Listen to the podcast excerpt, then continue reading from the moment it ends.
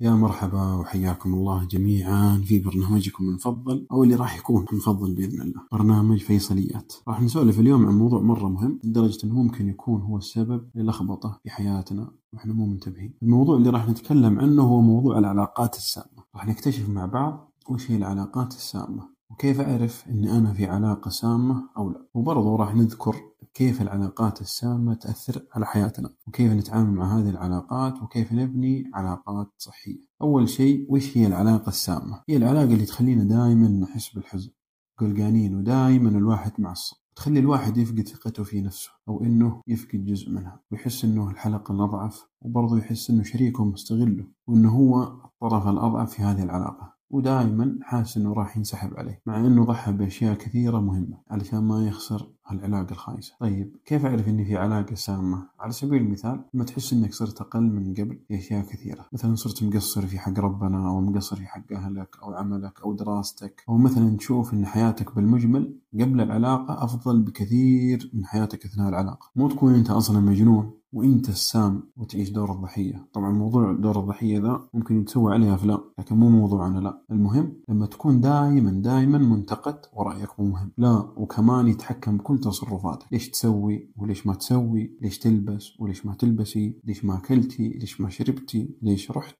ليش طلعتي؟ ليش وليش؟ ليش وليش؟ طبعا الحاجة وضدها. ليش سويتي وليش ما سويتي؟ ما يخلي لك حتى تختار متى تروش لا وتلاقيه مرة يخاف على مشاعره وانت مشاعرك ولا فارقة معه على أساس إنه هو يحس وأنت جدار ما تحس. وطبعا لما تلاقي إنك قاعد تحارب وتجتهد وتضحي بكل شيء علشان طويل العمر يكون راضي ويقدر تضحياتك ابدا ولا كأنك سويت شيء. لما تلاقي نفسك صرت تحب تجلس لحالك ولا عاد تبغى تجلس مع أحد وبديت تحس إنك انصافقت بطيف توحد. بس هنا أعرف إنك قد وقعت في الفخ وإنك الحين في علاقة toxic اهرب ليش أقول لك سامة؟ اهرب أشرد فرك سميها زي ما تبغى. المهم تنهي ذي العلاقة. أو تجعل لها حل. ليش أقول لك لازم تنهيها؟ أنا أقول لك ليش يا حلو. لأن هذه العلاقة راح توديك في ستين داهية. توديك لعالم القلق. والاكتئاب والمرض والتعب وراح تخلي ثقتك في نفسك تقل أو تنتهي. زي ما قال عم نزار قباني أدخلني حبك سيدتي مدن الأحزان وأنا من قبلك لم أدخل مدن الأحزان تعتقد أن العلاقة السامة راح تكتفي أنها تلعب في نفسيتك بس؟ لا يا حبيبي مو بس كذا. كمان راح تجيب لك أمراض جسدية يا سكر. يا سكر المقصود فيها أنت اللي قاعد تسمعني. مو مرض الله يحمينا. طبعا ما راح تكتفي بالموضوع النفسي صداع وأرق ولخبطة نوم. تخيل أن العلاقة السامة تضعف مناعتك. تخيل لهذه الدرجة توصل.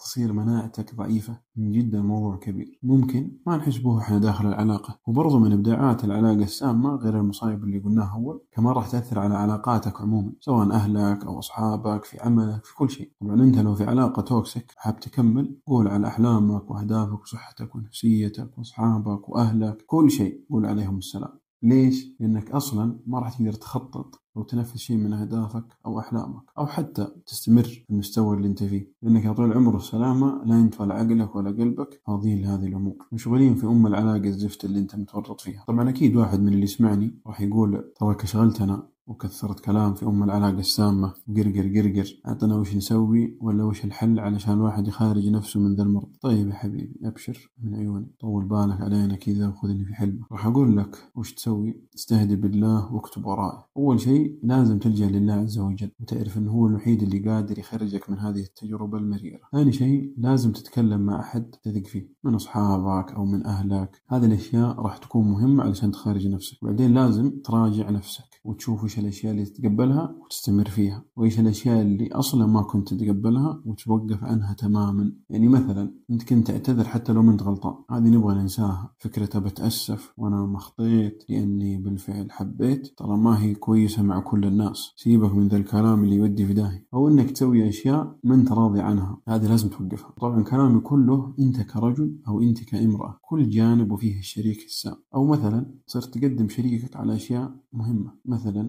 على موضوع لأهلك ما ينفع تأجل عشان خاطر عيونها أو إنك يكون عندك اختبار وقاعد تذاكري ويتصل عليك هاتف من اللذات وتقولي ماني مذاكرة خليني أسولف معاه وتنسي مذاكرتك علشان طير شلوة. هنا لازم تعيد حساباتك أو تعيد حساباتك. واللي يزعل من الصح يضرب راسه بالجدار. وبرضه لازم تعبروا عن مشاعركم. وش الأشياء اللي تتمنوها من شريككم؟ اجلسوا مع بعض سولفوا فضفضوا. لازم تتفقوا يا انكم تعدلوا من أم العلاقة المرضى هذه ولا زي ما قالوا. تمشي بطريق وأنا بطريق اللي يودينا البعيد لكنك تكمل أو تكملي في مرض ما راح ترتاح طول عمرك. في الأخير حطوا في بالكم انه ما في شيء اسمه صعب أو ما أقدر. زي ما قدرت تدخل ذا المرض لجسمك وعقلك تقدر تخرجه. طبعا كذا انتهينا من الكلام عن العلاقة السامة. نقطة سريعة كذا. كيف الواحد أصلا يبني أو يأسس لعلاقه صحيه علاقة حلوة فيها احترام واهتمام متبادل وتقدير. أول شيء اختار بعناية. يعني مو كل شيء يمر من قدامك أو قدامك أبني معه علاقة أو أحبه. ثاني شيء والله ما في أحسن من الصراحة والوضوح. كل واحد يقول وش الأشياء اللي يحبها وش الأشياء اللي يكرهها وإيش اللي يتمناه؟ مو نقعد نلف وندور على بعض ونعيش دور المثالية. موهومين نسوي عكس مبادئنا وقناعاتنا أو طبيعتنا عشان نعجب. زي ما كان يقول جدي الله يرحمه كفر صريح ولا دين مخشخش. من الاشياء المهمه برضو إنك تكون صادق مع نفسك قبل ما تكون صادق مع الناس. لا تدخل علاقة كلها تضحيات منك أو علاقة كلها فروقات أو اختلافات. شوف وش اللي يشبهك ويشبه مبادئك ويشبه ثقافتك. وابني معاه علاقة. طبعا ما أقول لك خذ أو خذي شخص نسخة منك. الواحد يبني علاقة مع شريك يشبهه. وبرضه حط في بالك كل علاقة فيها خلافات واختلافات. بس في المعقول. ولازم نتعلم كيف نتعامل مع الخلافات والاختلافات. وكمان لازم تؤمن